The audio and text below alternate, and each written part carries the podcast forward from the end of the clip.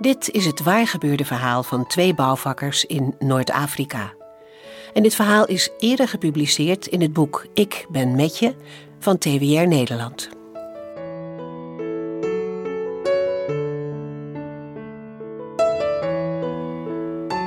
Hey Amar, ben jij nog niet naar huis? Het is al laat. Ik weet het, maar ik wacht eigenlijk nog op een telefoontje. Ik hoop dat Jamil nog belt. Intussen kan ik mooi nog wat e-mail wegwerken. Werk ze dan. Ik zie je morgen weer. Amar is nu alleen nog aan het werk op het kantoor van TWR. Het is al na middernacht, maar dat stoort hem niet. Hij weet uit ervaring dat er s'nachts vaak luisteraars van de programma's van TWR naar het kantoor bellen. Overdag is het voor velen te gevaarlijk om contact te zoeken, omdat anderen hen dan kunnen horen. In die stille uurtjes heeft hij al heel wat mooie gesprekken gevoerd met luisteraars uit Noord-Afrika. Ze hebben een grote plaats in zijn hart, deze mensen die in het geheim christen zijn. Er verschijnt een telefoontje op zijn beeldscherm. Dat zal hem zijn. Hallo, je spreekt met Amar van TWR. Amar, kan ik je nog spreken? Ik weet dat het niet vroeg meer is. Natuurlijk, Jamil. Ik ben hier niet voor niets gebleven. Ik hoopte al dat je me zou bellen om het laatste nieuws van jou en de gemeente van Jezus Christus aan ons door te geven. We zijn hier erg benieuwd hoe het gaat. Ik heb goed nieuws. De kerk in de stad is dankzij de Heer sterker geworden. En jullie programma's helpen mee. Ze stromen elke dag uit de lucht over ons heen, als een regen van zegen via de radiogolven, antwoordt Jamil. We hoorden hier dat de vervolging van de christenen de laatste maanden toegenomen is. Heb jij dat ook gemerkt? Je hebt gelijk.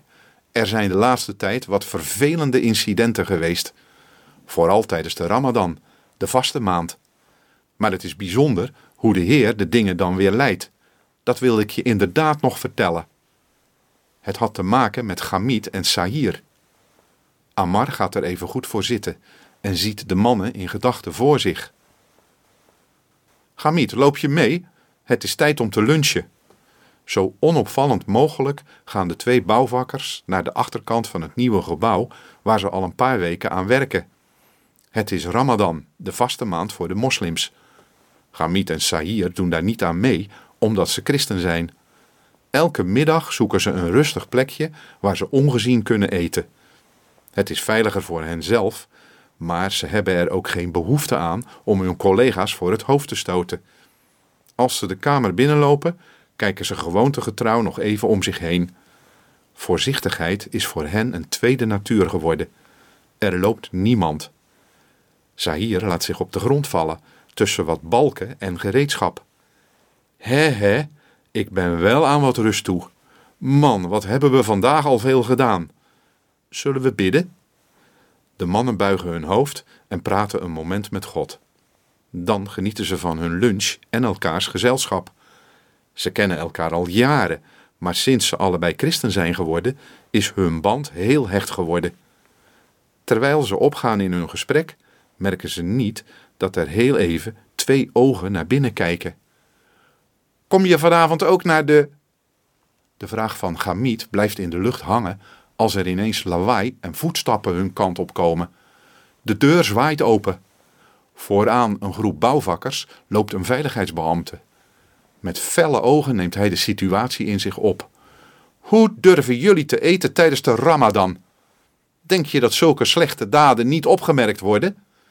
Jullie moeten onmiddellijk stoppen met eten en reken er maar op dat dit een vervolg gaat krijgen bij de rechter. Meekomen. Gamit en Sahir worden naar het politiebureau gebracht en opgesloten in afwachting van hun rechtszaak. Samen met wat andere mannen zitten ze in een ruimte die eigenlijk veel te klein is. Wat gaat er met hen gebeuren? Hoe zwaar zal de rechter deze zaak opnemen? Het is een vraag die steeds rondspookt in het hoofd van Sahir. En toch ervaart hij, dwars door die vragen en de onzekerheid heen, van binnen een diepe vrede. Hij realiseert zich dat hij van God komt en hij is er dankbaar voor. Sinds hij twee jaar geleden zijn leven aan Christus heeft gegeven, weet hij dat hij daar waarschijnlijk op een gegeven ogenblik een hoge prijs voor moet gaan betalen. toch kon hij niet anders dan christen worden. Het is die hoge prijs meer dan waard. Hoe zou het thuis gaan? onderbreekt Gamit zijn gedachten. Hij is nog maar enkele maanden getrouwd. Zouden ze het al weten? Ik hoop dat ze Raifa met rust laten en dat zij naar mijn ouders gaat. Maak je niet al te ongerust. Raifa heeft niets gedaan en voor zover ik haar ken, is het een verstandige vrouw. Het lijkt me eerder dat ze al meehelpt om het nieuws overal onder onze christenvrienden te verspreiden. Enkele weken later komt de zaak van Gamit en Sahir voor de rechter. S'morgens vroeg worden ze geboeid overgebracht naar de rechtszaal. Het is bijna vreemd om heel even in de buitenlucht te zijn en de geluiden en geuren van de stad mee te maken. De rit duurt niet lang. Een paar straten verder zijn ze er al. Hoe vaak is Sahir hier niet langsgekomen, onderweg naar zijn familie verderop in de stad? Hoe vaak heeft hij zich afgevraagd hoe het zou zijn om daar terecht te staan? Na vandaag zal hij uit ervaring weten hoe het is. Als de auto de laatste bocht omgaat, weet hij even niet wat er aan de hand is. Gamit, zie je dat? Daar, voor het gerechtsgebouw. Wat doen al die mensen daar? Enkele honderden mensen hebben zich verzameld bij de ingang van het gerechtsgebouw. En terwijl de gevangenen dichterbij komen, horen ze het. Ze zingen. Hoor je dat? Ze zingen lofliederen voor Jezus. Opgewonden kijken de mannen elkaar aan. Het zijn christenen, hun broeders en zusters, die gekomen zijn om hen te steunen en de eer aan God te geven. Dat had ik nooit durven dromen. Wat een bemoediging. Zo snel mogelijk worden ze door de mensenmassa heen naar binnen geleid. De Heer is met jullie, broeders. Hij zegent jullie. Wij bidden voor jullie. Ze horen deze aanmoedigingen als ze naar binnen gaan. Ook daar zit de zaal vol mensen. In de rechtszaal wordt de beschuldiging nog eens breed uitgemeten. Met veel woorden en emoties wordt het verhaal verteld en hier en daar wat aangedikt. Als de aanklager gaat zitten, staat een man in de zaal op. Arresteer mij ook maar. Ik heb ook gegeten tijdens de Ramadan. Ik ook. En ik. En ik ook. Klinkt het van steeds meer kanten. Pas na aandringen van de rechter wordt het weer enigszins rustig. De rechter komt nauwelijks boven het rumoer uit als hij zegt: Ik heb mijn vonnis geveld. Ondanks de ernst van deze overtreding laat ik jullie toch gaan. De aanklacht verklaar ik nietig, omdat de wet het eten niet verbiedt. Als vrije mannen lopen Gamit en Sahir de rechtszaal uit. Prijs de Heer, we zijn vrij, roepen ze naar de mensen die buiten gespannen afwachten. Het wordt een geweldige feestdag in de families van beide mannen. Jamil gaat verder met zijn verslag. Ik was erbij in de rechtszaal, Amar. Het was een prachtig moment. Buiten hebben we de Heer geprezen en gedankt. Amar zegt: Stond je niet te kijken dat ze zonder verdere vervolging naar huis mochten? Ja, aan de ene kant wel. Maar je moet niet vergeten dat de overheid er ook belang bij heeft om zo nu en dan een oogje dicht te knijpen. Er zijn duizenden mensen in ons land die niet vasten tijdens de Ramadan. Ook mensen die geen christen zijn. Sommige van hen hebben zelfs geprotesteerd tegen de arrestatie van onze broeders, omdat ze dit als een schending van de mensenrechten zien. Als ze al die mensen gevangen willen zetten, mogen ze er eerst wel heel wat gevangenissen bij bouwen. Dat is onhaalbaar. Daarom maken ze zich er op deze manier van af.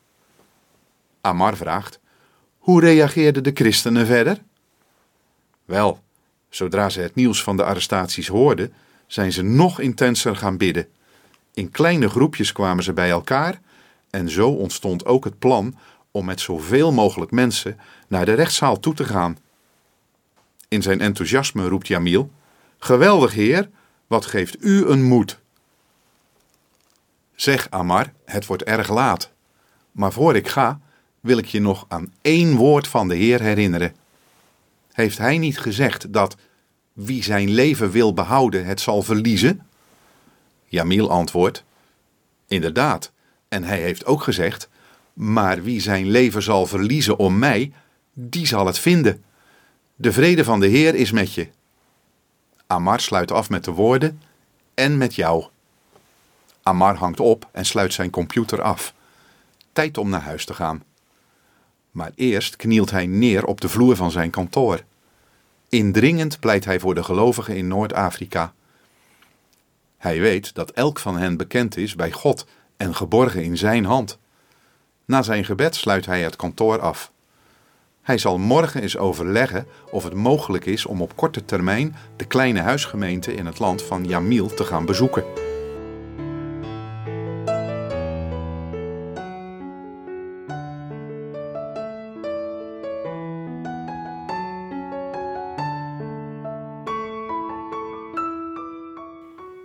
Wilt u het boek Ik ben met je zelf lezen? Dan kunt u dat bestellen via www.ikgavoorjeuit.nl. Ik herhaal www.ikgavoorjeuit.nl. Als u dan uw naam en adresgegevens vermeldt, dan sturen wij u het boekje toe en betaalt u alleen de portokosten van 2 euro.